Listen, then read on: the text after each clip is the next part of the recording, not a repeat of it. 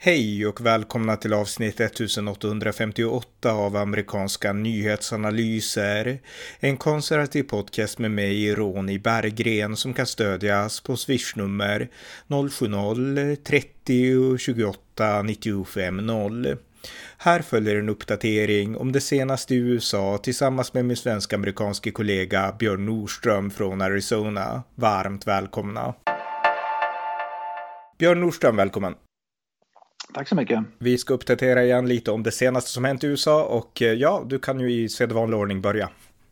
Ja, jag tänkte börja med att prata om att svenskar, jag är ju med i sådana här Facebookgrupper i Sverige då, svenskar i USA. Och i många av de där Facebookgrupperna så pratar människor vad de har för utbildning, vad de, vad de jobbar med. Liksom. Det är mycket, man får reda på hur, hur svenskar som har flyttat från Sverige till USA, vilka de är. Och um, det är väldigt, väldigt stor inser man nu, uh, flykt från Sverige, eller utflyttning från Sverige av högutbildade uh, experter. Många är ingenjörer, det är ingenjörer, det är liksom um, professorer på olika universitet, väldigt högutbildade. Och vi såg 2015 då när den här stora gruppen från, när det här kompetensregnet skulle komma till Sverige var det ju snack om att, liksom att alla var högutbildade ingenjörer, så visade att ingen var högutbildad ingenjör. Det som aldrig pratas om i svensk media det är förlusten av alla dessa svenskar som flyttar utomlands som är högutbildade experter, som faktiskt är högutbildade och experter i olika ämnen. Mm. Och det är någonting som Sverige borde prata om mer, att det är ett problem. Och även i de här grupperna då, svenskar i USA, så ser jag många svenskar som vill flytta till USA, som är liksom jag är utbildad si, jag är utbildad lärare, jag är utbildad ingenjör, jag är utbildad, hur gör jag för att kunna flytta från, eh, från Sverige till USA? Mm. Och även då många som vill gå i skolan, plugga i USA och sen stanna i USA.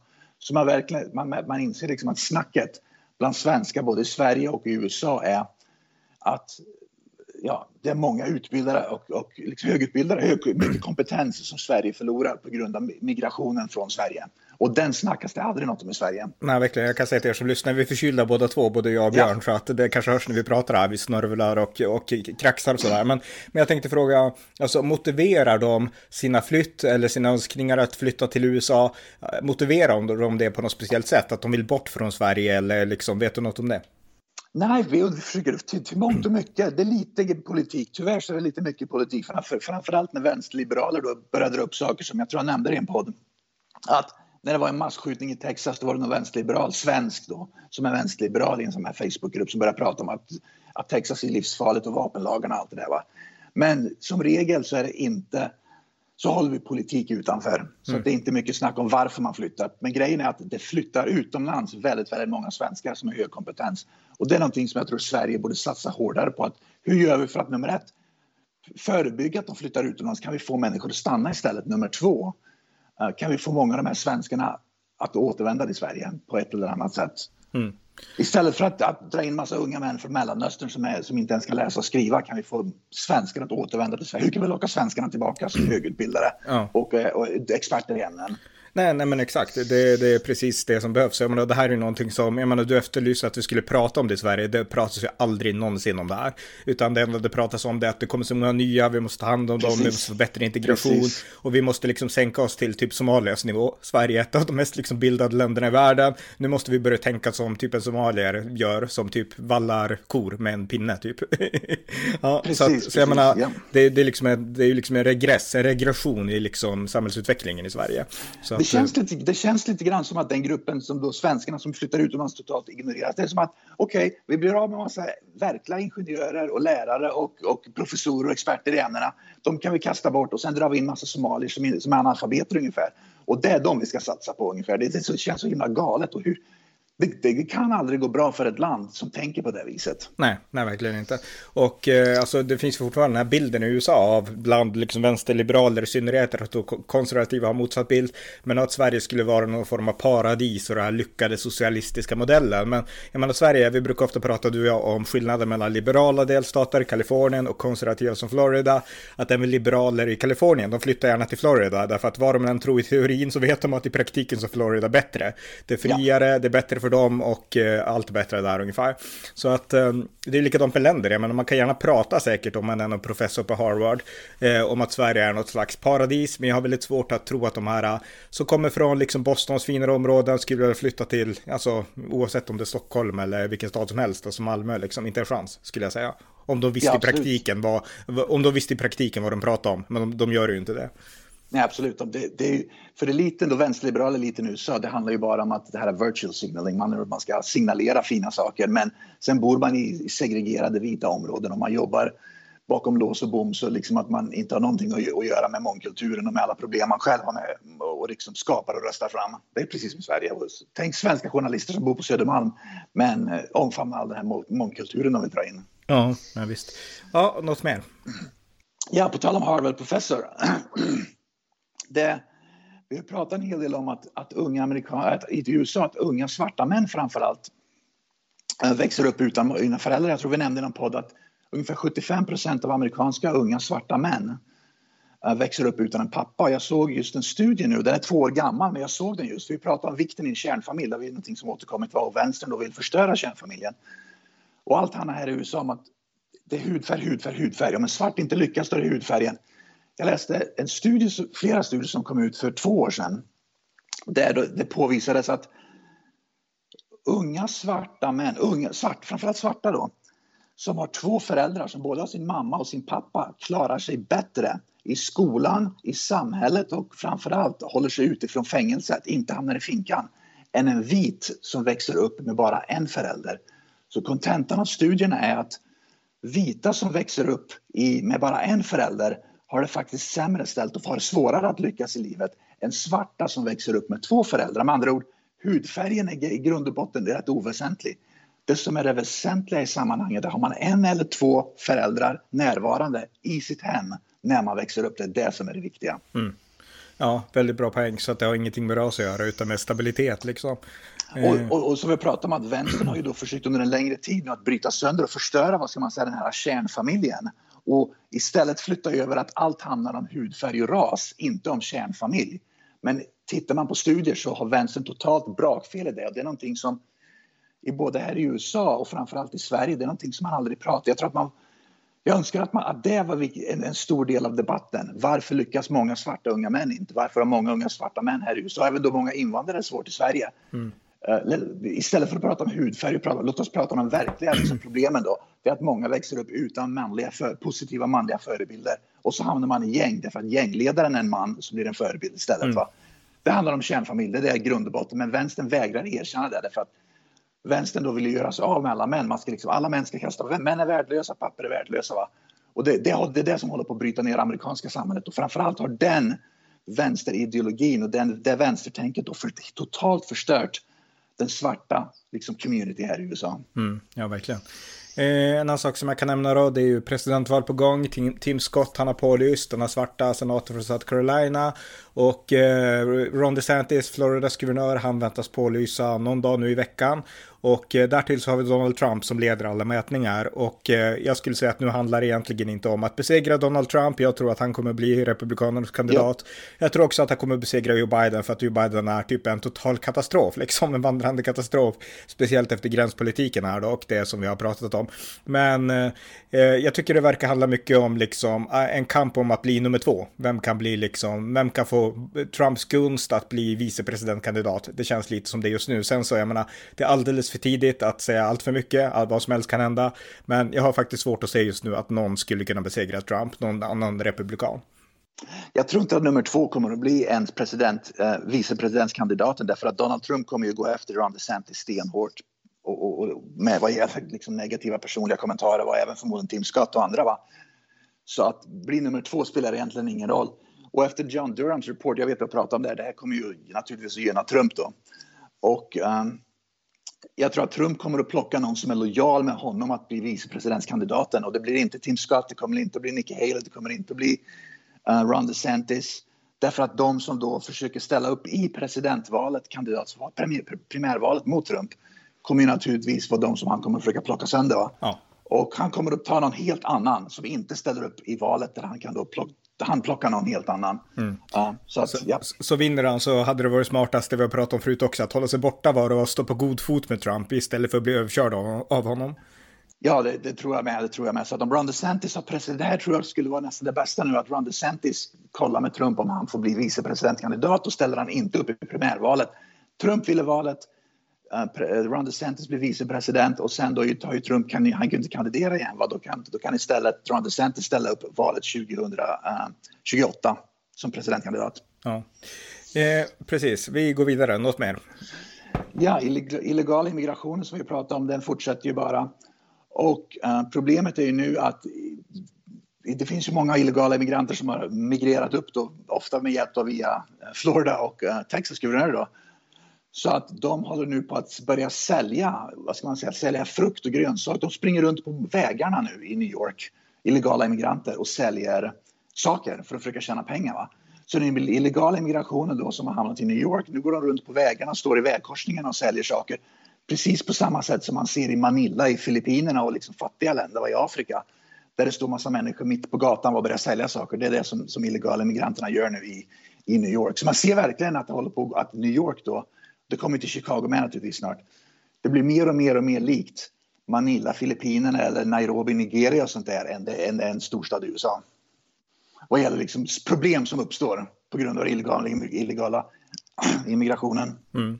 Eh, jag kan säga också att USA har godkänt, jag vet inte om USA kommer stå för det, men USA har godkänt att eh, det skickas F-16-flygplan, de här alltså finns, eller är det F-35 ja. där, där, där, du bor, jag vet inte vilka ni har. Men... Eh, 35. 35 har ni, okej. Okay, ja. Just det, men F16 ska skickas till Ukraina i alla fall, vilket jag tycker är bra. Och eh, jag vet inte om, eftersom det är amerikanska plan i grunden, jag tror inte att USA kommer att eh, leverera dem eller stå för dem, men USA måste ändå godkänna att det ges eh, F16 till Ukraina. Så att det har Biden gett tummen upp för nu i alla fall. Ja, jag såg att äh, många av de där F16 håller på att bli äldre nu, va? så att många länder håller på att byta ut de där F16 mot andra nyare plan. Va? Då vill då, vill, då, skick, då är de beredda att donera bort de här F16 till Ukraina. Därför att det är då äldre plan. Så att det är väl egentligen det det handlar om. Att, och Biden måste då godkänna att andra länder får donera de planen till Ukraina. Det är det det handlar om. Just det, med tidigare generationers plan, inte de senaste ja. alltså. Just det, just det. Ja, precis. Ja, Okej, okay. något mer? Ja, vi pratar om uh, illegal immigration väldigt mycket. Och det här är ett exempel på hur den illegala immigrationen håller på att förstöra amerikanska liv. Det var en illegal immigrant i delstaten Maryland för bara några dagar sedan som våldtog ett barn, en minderårig, ett barn. Blev arresterad och sen blev utsläppt igen och sen ett par dagar senare så våldtog han en vuxen kvinna. Så våldtäkt, arresterad, utsläpp, en ny våldtäkt, illegal invandrare. Att den här illegala invandringen den, den håller ju på att förstöra det här landet alltså. Mm. Och tydligen så är situationen vid gränsen värre eh, än vad, vad, många tror. Därför att det är tydligen ett enormt tryck av illegala migranter vid gränsen eh, som försöker ta sig in därför att eh, det här Title 42 har ju avslutats. Så att mm. det är det, jag tror jag läste att det var 200 000 som kom in för bara förra månaden i jul.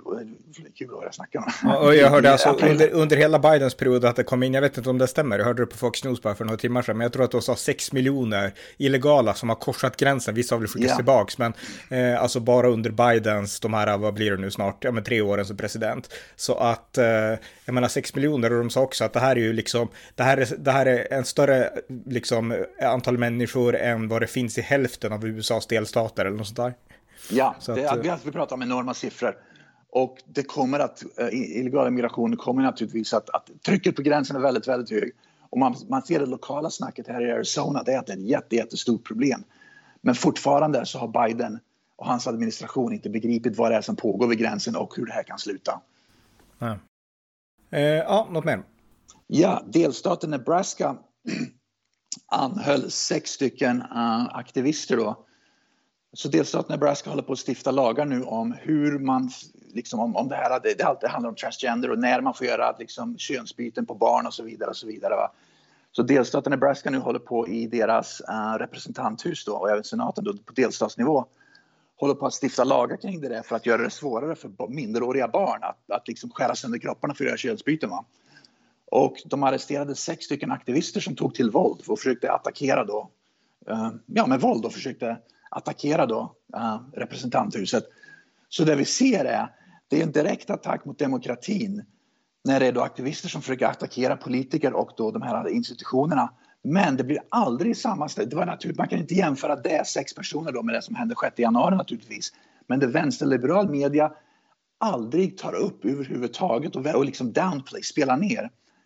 Det är ju att det sker överhuvudtaget. Och det är inte första jag tror vi pratade om att det var i Tennessee som det skedde där de, där de eh, vänsterliberala aktivister attackerade Tennessees politiker då. Mm. Där de stiftade lagar. Alltså gång på gång så ser vi en attack mot politiker av vänsterliberaler. Men det är någonting som vänsterliberal media downplay hela tiden och aldrig tar upp som ett hot. Utan allt handlar om att det är bara högern som är ett hot mot demokrati som i Sverige. Mm. Men vänstern är inte. När vi ser att det gång på gång på gång vänster nu, även om det är mindre, mycket mindre skala, så attackerar de fysiskt politiker och de vad ska man säga, demokratiska institutionerna på delstatsnivå när vänstern inte är nöjd med politiken som då människorna på demokratiskt sätt har röstat fram. Nej, och vi har ju till exempel, men bara några andra ännu mer liksom extrema exempel. Det var ju 2020 när Antifa försökte storma Vita huset. Det var ja. nätt och jämnt att Secret Service lyckas stoppa dem, därför att man är inte beredd på, man är beredd på mördare och så, men inte att det ska komma tusentals i en folkhob och storma Vita Precis. huset. Jag menar, det är ändå ett, ett, ett, ett, liksom, det är ett land, det är USA liksom, det är inte ett inbördeskrig eller en utländsk makt. Så att jag menar, eh, det var nära då och vi har även haft de här stormningarna av, eller det var mer en ockupation av eh, Capitolium i, i Madison Madison i Wisconsin när Scott ja. Walker var, var guvernör 2010-11 där när han höll på att göra en, eh, en, en reform av, eh, tror jag var pensionssystemet, men fackföreningsreform i alla fall. Eh, och så jag menar, vänstervåldet är verkligt och jag menar, det är ju intressant nu, jag menar, jag är som du vet, väldigt kritisk till det som hände 6 januari. Jag anser att det är Trumps yttersta ansvar för han var president. Men alltså, tänk om Trump vinner nu igen presidentvalet 2024. Jag tycker att det verkar sannolikt att han gör det, åtminstone är det väldigt troligt. Om han vinner så vet vi hur Demokraterna kommer att ja. reagera. De kommer att säga valfusk, kommer de att säga. därför, att, ja, därför att Demokraterna har en historia att göra. Det är många glömmer liksom att, att eh, det var inte Trump som kom på det här med valfusk, utan det började med sådana som Al Gore som pratade om att George W. Bush hade stulit valet. Det var en mängd olika demokrater överallt i hela USA som ältade på att det var egentligen Al Gore som hade vunnit valet långt därefter. Ja. Det var demokrater och gröna politiker som menade att Trump stal valet tillsammans med Ryssland 2016. Alltså demokraterna har en historia av att ropa valfusk och menar i delstatspolitiken så är det ännu mer liksom, där kan man se det ännu mer liksom. Så att eh, det var inte Trump som kom på det här utan han tog det bara och eftersom Trump är Trump så blåste han upp det tio gånger värre och spelade bollen mycket hårdare än Demokraterna gör. Men det här är Demokraternas playbook. Alla som har varit kritiska till Trump, republikaner som Brian Kemp i Georgia, de sa egentligen att det Trump gör det att han kör Demokraternas playbook, sa Brian Kemp. Han hade helt rätt. Men alltså, om det skulle bli så, Trump vinner och Demokraterna ropar valfusk, då är det inte alls omöjligt att vi får se vänstervåld igen. Liksom. Absolut. Och eh, jag menar, jag har inga förhoppningar, jag har ingen till, tilltro alls till Demokraterna, att de ska vara konsekventa och säga att precis som vi fördömde 6 januari så fördömer vi det här. Jag menar, okej, okay, om det blir jätteextremt, men till en början kommer de att vara tysta, tror jag, Demokraterna. Så att den stora ansvarsbörden här, den ligger ju på media, och inte minst media här i Sverige. Jag menar, jag har varit med i många mediasammanhang och fått liksom nästan ställas till svar för 6 januari, om du som stöder Trump och så vidare. Men tänk om det blir tvärtom 2024 i november där. Eh, då måste liksom svensk media, inte minst, vara beredd på att inse att oj, vänstern är ännu mer våldsam än vad högern är. Kanske. Det, det, kommer de inte att göra tror jag därför att man, man på något sätt, det, det, media i Sverige framförallt men även här i USA, det är som att de, vänstern då som attackerar, om de skulle börja attackera Vita huset eller kongressen vad det nu är, de, de, det liksom försvaras med att de, de, de, de, är emot fascister, va? det är fascister man är emot. Man mm. har liksom, det, det är ett rättfärdigat våld mot citattecken fascisterna. Mm. Och då helt plötsligt duger det åt, åt vänsterliberal media. Ja. ja, vi får se om de är så otroligt liksom ljusblå när, när den dagen kommer. Så vi, det ska bli spännande att se det om inte annat i, ja. i november 2024. Ja. Något mer? Ja, jag såg nu att i och med att äh, det här med John Durhams rapport som kom ut nu om det här med Trump som du pratade om i podden förut. Mm. Uh, tydligen så var både Barack Obama och James Clapper, om jag minns rätt så var James Clapper uh, chef för CIA på den tiden. Mm. Båda de var informerade och tydligen visste om då. Naturligtvis då gjorde ingen, sa ingenting åt det. De var informerade att det, att, att det här äh, Russiagate då skulle ske, att det höll på att ske då mot Donald Trump. Så de visste om det. Så att Barack Obama, min gissning är att han har inte speciellt mycket rent mjöl i den här påsen. Han är ju väldigt poppis både i USA bland vänsterliberaler naturligtvis med i Sverige. Va? Men jag tror att han har haft en större roll i sådana här saker, det är bara min gissning, men en större roll, han visste mycket mer än vad vi kanske först trodde. Va? Mm och att han satt på information där han hade kunnat gå in och stoppa det och sagt att det här är inte okej okay, därför att det, helt, det finns inga bevis för det här. Va? Men han lät det ske. Så jag tror att Barack Obama är inte den liksom helylle killen som vi alla tror när det gäller till exempel den här specifika saken. Nej, och det här är någonting som vi vet, alltså det här, är, det här var ingen ny nyhet, utan det var faktiskt en gammal nyhet, just den här som man tog upp där dörren, för det, det här har varit känt i många, många år, att man hade ett möte i Vita huset den 5 januari 2017, ja. alltså i mellanperioden mellan att eh, Donald Trump hade valt och att han, hade, att han skulle sväras in då, så Obama var fortfarande president. Och ja. då hade man ett möte, Joe Biden var där, Barack Obama var där, eh, James Comey, eh, FBI-chef chef var där och många andra var där också. Och eh, man diskuterade då den här övervakningen. Eh, det som inte är tydligt, och jag tror inte att det var så, jag tror inte Obama gav order om det här, men han kände till det och ja. han var definitivt med och blev briefad om vad som hände. Ja. Och det var ju så här också, för den som man hade mest fokus på, det var inte Donald Trump, det var ingen som övervakade Trump personligen, utan man övervakade hans, eh, hans team. Och den som Obama hade mest ont öga mot, det var eh, Michael Flynn, den här generalen. Ja. Och det beror på, för att dra bakgrundshistorien, jag har dragit den i andra på ett sammanhang, men Michael Flynn var general i kriget mot terrorismen till exempel.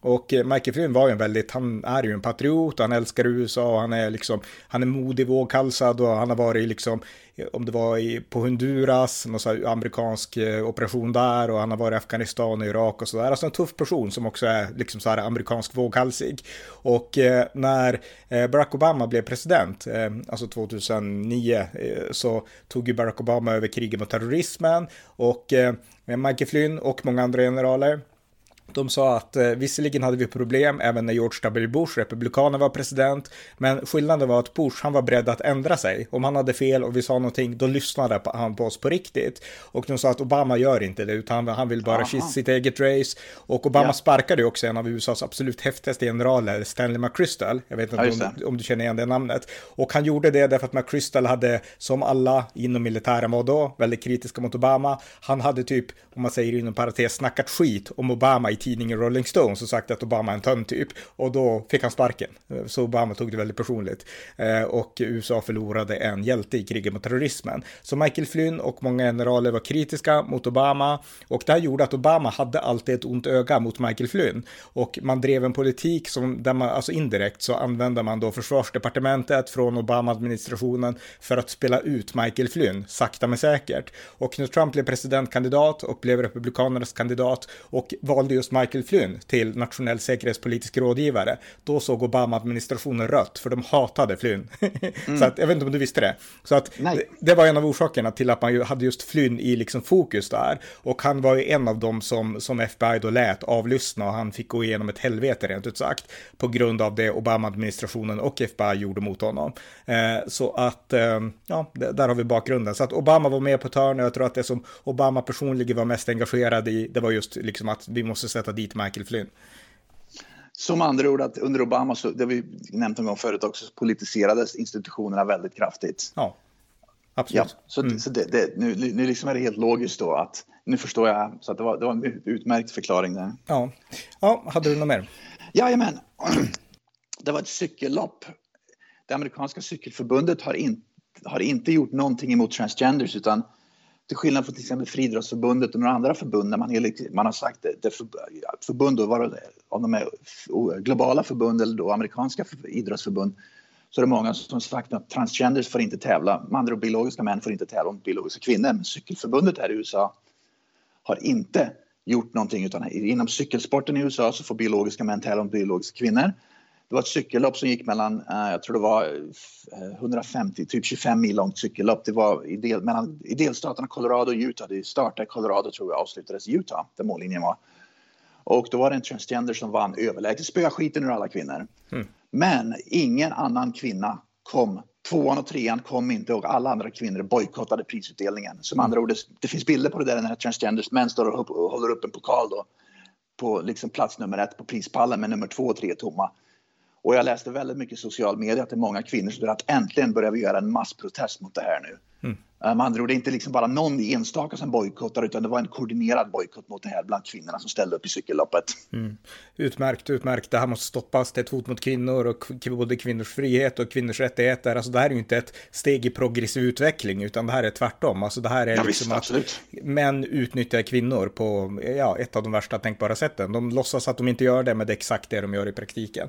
Um, och jag tycker ja, man... en sak till också, för jag menar det här är någonting som diskuteras hyfsat mycket i Sverige nu för att vi hade den här showen på SVT, aldrig sett den i och för sig, men eh, som handlade om då trans, eh, alltså transgenders och det var någon slags eh, ja, tävling mellan dem liksom. Och eh, showen floppade, jag tror vi har pratat om det i något tidigare poddavsnitt, men det diskuteras så mycket, när man diskuterar på tv, alltså när man ser programledare diskutera så pratas det alltid om att oj den här stackars marginaliserade gruppen, oj vad tråkigt och liksom det pratas aldrig om att det här är ett hot mot faktiska kvinnor, för det här är inte kvinnor, det här är personer som tror sig vara kvinnor och det är inte samma sak som att vara en kvinna. Eh, så att eh, det pratas aldrig om just den aspekten. Så att, eh, ja. Precis, uh, Jordan Peterson som, som är helt luften rätt ofta nu, han är ju väldigt populär. Och han kallar ju de här transgenders då för narcissister. De är narcissister som helt enkelt bara vill... vill de är, duger inte som män, de kan inte tävla mot män, de är liksom inte tillräckligt bra bland män. Men de vill kunna vinna och då väljer man att bli kvinna bara för att vinna. Så att han, han, han ser det rakt ut som en narcissist som bara liksom tänker på sig själv och skiter fullständigt i andra människor. Mm ja, eh, jag är beredd att dela, liksom, utan att gå till personangrepp på de enskilda, men liksom helhet, alltså man bara ska tolka tendensen i det här så håller jag med. Och jag menar, en sak till också som jag tycker är intressant, jag menar, vi har pratat förut om den här uh, kristna väckelsen i Osbury, liksom i, ja. som vi pratade om förut. Och jag har börjat kolla på olika YouTube-klipp och i USA så finns det hur många som helst som har varit transgenders, sen har blivit kristna och de har berättat att, alla berättar samma story ungefär, att jag hade problem, det var liksom, jag hade problem med identitet, jag saknade ja. fadersgestalt. Jag hade mycket lättare att ty mig till kvinnor för det fanns bara kvinnor i mitt liv liksom och det var hos kvinnor jag såg de bra egenskaperna liksom. Och så blev de osäkra på sin liksom, identitet, sin sexualitet och så vidare. Och sen berättade de att jag blev kristen och då vart, jag fick ett lugn inom mig och jag började tänka helt annorlunda om de här sakerna. Och den sidan också, men här i Sverige så pratas det mycket om att vi måste förbjuda omvändelseterapi som det kallas. Och jag yeah. menar, tvång och sånt, man kan ju aldrig tvinga någon till någonting liksom. Men just de här bitarna, det kristendomen kan göra och det som USA, alltså det är inte bara ett exempel, det finns så många som helst. Jag menar, det är också en sån här bit av saken som aldrig lyfts fram i Sverige, utan i Sverige i media så liksom utmålar man kristendomen som det förtryckande och liksom det här bakåtsträvande och det hårda, men man, man liksom man förklarar aldrig den andra sidan av myntet, att kristendomen är befriande och då inte på ett tvingande sätt utan på ett personligt självvalt sätt ungefär. Det tycker jag också är, det framgår inte heller i Sverige och kanske inte i USA heller ska sägas, men, men fenomenet finns i USA i alla fall i, i betydligt större utsträckning än i Sverige. Ja, men jag såg i alla fall en god nyhet i Sverige att i Göteborgs-Posten tror jag det var där det var en artikel som publicerades bara för ett par dagar sedan som pratade om där det var två stycken transgenders som pratade om att det gick helt åt helvete för dem som transgenders. Jag tror det var Göteborgs-Posten. Mm. Så att man tog i alla fall upp den aspekten av transgender nu att, att det gick fel. Naturligtvis så togs inte ansvaret upp, vem ansvaret var, utan de två transgenders som sa att det gick totalt snett, vi ångrar oss. Men det var samhällets fel, då skyller man på samhället va. Även om det är ett personansvar i grund och botten va, naturligtvis. Men i alla fall att, att en artikel skrevs där de tog upp två transgenders, en transgender man, en transgender kvinna som helt enkelt förklarade att det gick åt skogen, det här var ingen bra lösning. Och jag såg också en annan studie i Sverige som kom ut alldeles nyligen och det, även om det inte är USA så ser man ju att det här är problemet. Va? Där barn som tar antidepressiva piller, som är deprimerade och tar antidepressiva piller har tredubblats, ökat med tre gånger de senaste tio åren. Så vi ser att antidepressiva piller tas allt mer samtidigt som allt fler barn börjar liksom skära sönder sina kroppar för att bli, liksom byta kön. Va? Så det är liksom, vi ser att det är någonting som är helt fel i samhället. Va? Antingen trycker vi i ett piller eller så byter du kön eller både och. Va? Och det är inte lösningen på någonting. Det är någonting i grund och botten som är fel i ett samhälle när sånt där sker. Va? Men lösningen nu är att ta ett piller och sen byta kön. Då, liksom, då blir det bra. Va? Men sen visar det sig då att precis som de två transgender i Göteborgs-Posten och pratade om att det, det gick totalt snett det här. Det var inte alls någon lösning på någonting, vilket vi ser allt fler, även här i USA i amerikansk media. Allt fler transgender kommer ut och säger att det här gick snett, det var inte alls lösningen. Tvärtom, lösningen är mental hälsa, det är den man måste jobba på. Könsbyte var någonting som man bara prackade på med. Va? Och det är någonting som allt fler börjar prata om här nu, så jag tror att vi har någon slags brytpunkt nu där allt fler vågar protestera mot det, vågar komma ut och säga att det här, liksom, det här är helt fel. Så jag tror att det kul, kulmen är nådd Och nu tror jag det håller på att vända och gå åt, åt, åt rätt riktning. Och det kommer att gå långsamt, men det hålls på.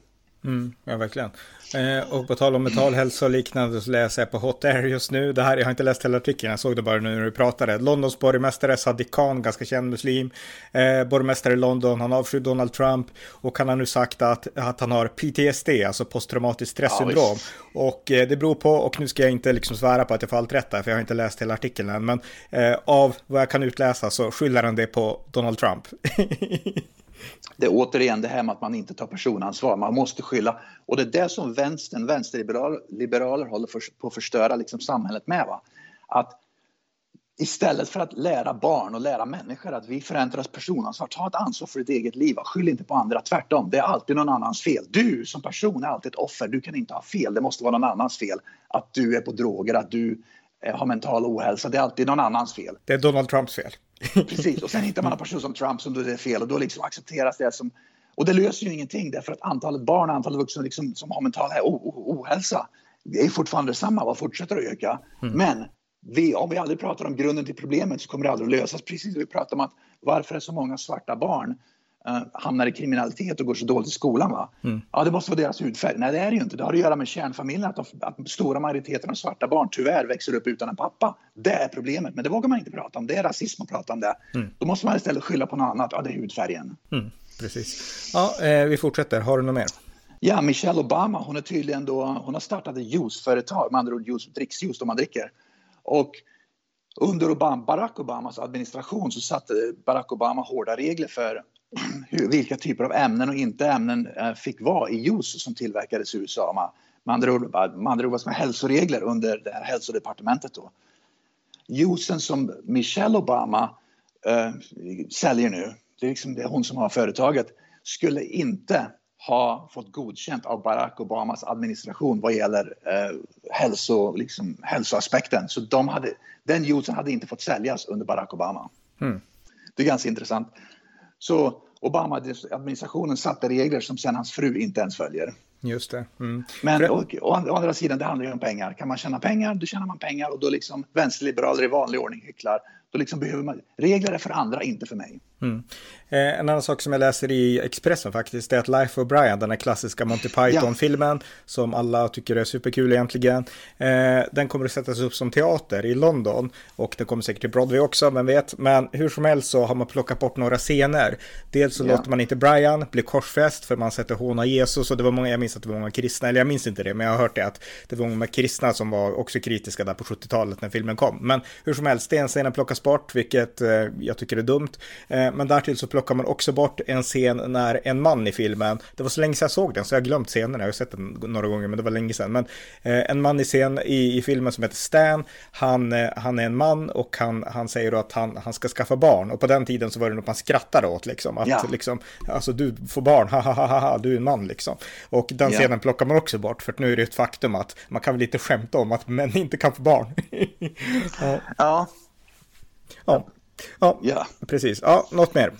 Ja, Adidas, företaget Adidas har tydligen inte lärt sig någonting av Bud Light. Utan Adidas senaste swimsuit model, med andra ord, kvinn, du vet, vet, vet vad swimsuit på svenska? Uh, baddräkt. Ja, mm. Kvinnliga baddräktsmodell är en svart man. Och man ser bokstavligen på bilder, det här är alltså otroligt. Nummer ett så, så verkar det vara en slags koordinerad attack nu på kvinnor. Att företag ska liksom spola kvinnor helt och hållet. Va? Det, är, det, det är en koordinerad attack för att få bort kvinnor i offentliga livet. Va? Det är helt otroligt. Men i alla fall, det är en svart man som gör reklam för baddräkter och, har, och det är utan tvekan så att man kan se att det är en man om man bara tittar runt skrevet. Va? Det är helt otroligt att de gör så där, att det hålls på så här. Och jag vet att det, i social media så är det många nu som bojkottar Adidas, bojkottar Adidas. Och min dotter tycker att det är ju galet. Jag kan ju inte köpa en baddräkt av Adidas nu därför att jag vill ju se hur en baddräkt ser ut på en kvinna, inte på en man när det liksom sticker ut massa grejer då. Och så där. Men det är helt otroligt att sådana här koordinerade attacker sker mot könet kvinnor. Jag kan, jag kan, väl också gissa att ganska många män blir ointresserade av att titta i, i liksom, vad säger man, modelltidningar. Ja, ja herregud, det här är ju det är otroligt. Jag trodde att Adidas skulle lära sig av Bud Light, ja. men det har de ju tydligen inte gjort va? Nej. Ja, de får skylla sig själv framöver då. Men något mer? Ja, ja. Ett par ryssar har anhållits här i delstaten i Arizona efter att ha försökt smuggla ut teknik. De, de, det är tydligen ryssar som bor i Florida som har varit här i Arizona för att skaffa, det var tydligen fly, någon flygplans teknik de hade skaffat här som de sen skulle ta, ta till Florida för att sen smuggla ut till Ryssland. Uh, och det var tydligen flygplansteknik som amerikanska federala myndigheterna har, vad ska man säga, vad, vad säger man, förbjudit att sälja eller liksom vidareförmedla till Ryssland. Va? Så att mm. nu, ja, du förstår hur det där fungerar. Mm, mm, Men i alla fall, det ska bli intressant att se hur de straffas nu. Ja, ja hårt förmodar jag. USA är stenhårda när det ja, man hoppas, man mm. hoppas på det i alla fall. Men det visar ju då naturligtvis att, att uh, det är någonting som man måste hålla ögonen på också nu. Att det finns ryssar här och förmodligen andra liksom nationaliteter med som är här och försöker då få tag i olika former av tekniker då, som sen ska kunna föra över till Ryssland enbart för att de då, för sanktionerna då. På grund av kriget så har vi faktiskt här i Europa fått till och med i Sverige en skepsis mot, inte mot ryssar i allmänhet, men vi fattar att ryssar kan vara ett säkerhetspolitiskt hot. Vilket är jättebra att vi, vi tänker på det. Tänker man så alls i USA? Jag menar, kriget är ganska långt från USA, eller liksom... Nej. Har, nej. Nej, det, det, är någonting som man inte gör. När jag läste den här artikeln, det var då det kom upp ungefär som att oj då, ryssarna kan vara ett hot för att de kan smuggla ut grejer. Va? Mm. Men det är ingenting som debatten, utan här är det stora hotet här som det snackas om, i alla fall i, i, i konservativ media då, det är ju då den illegala invandringen. Mm. Och att, att, det liksom, att där blir det stora hotet. Men ryssar kan då vara här och, och smuggla ut grejer. Det är någonting som man inte har pratat om överhuvudtaget. Så att när jag läste den artikeln så blev det så att oh shit, det här har jag totalt glömt bort. Det här är ju ett problem också nu. Mm, mycket intressant. Ja, ja eh, något mer? Ja, uh, Marjorie Taylor Greene, hon är då um, republikansk, republikan i representanthuset. Hon har nu skrivit articles of impeachment mot Joe Biden. Och det handlar specifikt om att hon vill impeach Joe Biden nu formellt på grund av kaoset vid Mexikogränsen. Så jag skulle inte bli förvånad om det kommer att bli impeachment proceedings i representanthuset nu um, mot Joe Biden. Naturligtvis kommer det inte gå igenom i senaten. Men det, sannolikheten är hyfsad att det kommer att gå igenom i representanthuset i alla fall. Och fokuset är på som sagt verkliga saker. Till skillnad från Trump, det var ju liksom bara det var ett stort skämt. För det, var, det, det, var, det fanns ju ingen substans bakom det hela. Va? Men här är fokuset på kaoset vid Mexikogränsen, att det är det som är att, att med andra ord Joe Biden, presidentens viktigaste första roll är att skydda nationens säkerhet mot olika inhemska och utländska hot och Joe Biden gör inte det genom att ignorera mexikanska gränsen totalt. Det är det mm. som är kärnan i hennes impeachment articles. Mm, och på tal om alltså, problem att skydda, jag menar, du minns kanske när Biden tillträdde, det som fick ansvar för att styra upp situationen vid gränsen var Kamala Harris, kanske en av USAs mest inkompetenta politiker någonsin, på så hög nivå i alla fall. Och hon lyckades ju inte, hon var inte ens intresserad. Hon har ju fått ett ny, nytt område nu, för att nu är, inser alla att vi kanske har ett hot från framtida Terminators genom att AI-tekniken yeah. går så snabbt framåt. Yeah. Och vem har fått ansvar att leda försvaret mot eh, potentiellt framtida självständigt AI? Kamala oh, Harris. Gud. Så att hon, oh, no. hon, ska, hon ska leka Sarah Connor och vara där och slåss mot Terminator och robotar. det känns lite grann som Dan Eliasson i Sverige, att när någon är riktigt, riktigt dålig socialdemokrat, då flyttar man runt dem på viktiga poster ja. och så får de, liksom, då får de förstöra den ena myndigheten efter den andra ungefär. Ja. Det känns som att det är så med Kamala Harris. Så snart Nej. kommer en ny Terminator-uppföljare med Kamala Harris istället för Linda Hamilton. men, men, men, men liksom, en som kritiserar här, det är Elon Musk, för han, han menade ungefär att, eh, och många andra menar, har hon, har hon den tekniska kompetensen att liksom veta vad hon liksom, kan hon hantera AI verkligen liksom? Så rösterna höjs ganska snabbt för att det här är kanske fel kvinna på jobbet. Oh, ja, ja, det, det är ett skämt, va? det visar inkompetensen hos Biden-administrationen också. Ett, ett, par saker till jag tänkte nämna är att vi pratade om den här killen Sam Brinton, den här eh, non-binary som då hade stulit resväskor då på flygplatser som jobbade under, som var rådgivare åt, um, åt en av myndigheterna under Biden. Han var i alla fall en fugitive tydligen. Han stack, så han anmäldes inte för polisen utan han har varit en fugitive. Han är i alla mm. fall anhållen nu. Så inte nog med att han, att han stal väskor på... Tydligen var det inte bara en flygplats som stal väskor, det var fler flygplatser. Det var liksom, det är någonting som han satte i systematik. Han är i alla fall arresterad nu, inte bara för att ha stulit väskor utan även för att ha varit en fugitive. Så han kommer förmodligen hamna i fängelse i många, många år. Mm. Så deras liksom non-binary liksom gunstling som de målar upp då som att oh, vi har en non-binary som en hög rådgivare nu. Han, han kommer att sitta i fängelse i många år för att vara en fugitive. Mm. Ja, precis. Något mer? Ja, en annan känd USA, Brett Favre, han är en av USAs mest kända. Han, han, var, han, är, han är pensionerad nu, men han var quarterback, fotbollsspelare i NFL för Green Bay Packers och Atlanta Falcons tror jag det var, men framförallt Green Bay Packers. En väldigt, väldigt, väldigt, väldigt känd liksom superstjärna i amerikansk sport. Var och varannan amerikan vet om vem man är. Han har i alla fall också gått ut nu och kritiserat transgender väldigt, väldigt hårt, att det här håller på att förstöra kvinnoidrotten. Så han har liksom tagit ställning nu med officiellt. Så att allt fler som vi pratar om, kända människor, när väl många kända människor börjar ta ställning officiellt mot det här så blir det allt svårare för vänsterliberaler att liksom fortsätta det här. Så att det är bra att det nu är även Brett Favre och liksom, vad det var, Paul Stanley, Jesus, en den ena efter den andra. Så att vi ser verkligen att människor liksom har fått nog, kändisar har fått nog. Mm. Ja, mycket, mycket bra. Ja, eh, jag har inget mer. Har, har du något mer? Ja, en annan kongresskvinna, eh, får se nu vem det var, minns inte, jag ska kolla på namnet. Du vet Adam Schiff i mm. representanthuset, han var ju en av dem som kritiserade Donald Trump. Han var en av dem som drev det här Russia hoax mot Donald Trump mm. uh, hårdast när det begav sig. Uh, Anna Paulina Luna, det är representant, hon är väl republikan då, från Florida. Anna Paulina Luna, hon har i alla fall formellt lämnat in en ansökan om att Adam Schiff ska bli sparkad från representanthuset därför att han han drev en fake news och han, drev, han startade och liksom fortsatte ett drev mot, mot president Donald Trump när det begav sig om det här med Russia. Och det var bara att han, med andra ord, han drev en lögn. Mm. Och han borde enligt henne då bli sparkad från representanthuset. Så hon har nu lämnat in en formell ansökan om att representanthuset ska sparka ut honom.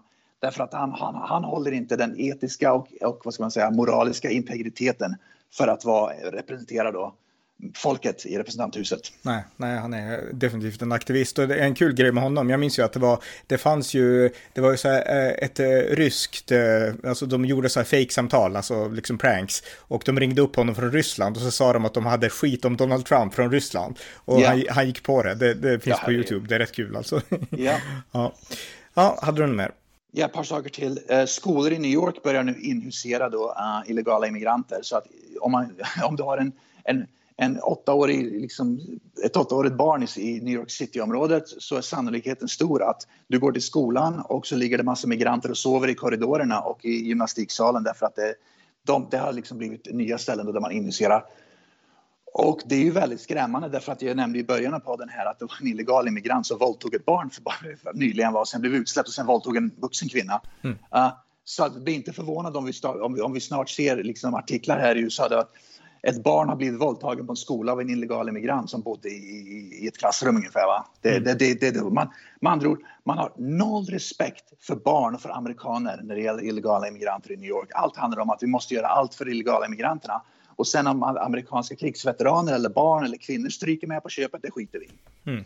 Ja, det är tragiskt. Ja, hade du mer? Ja, den sista saken. Joe, Biden, Joe, Joe Manchin, han som då är demokrat, han är då uh, i senaten.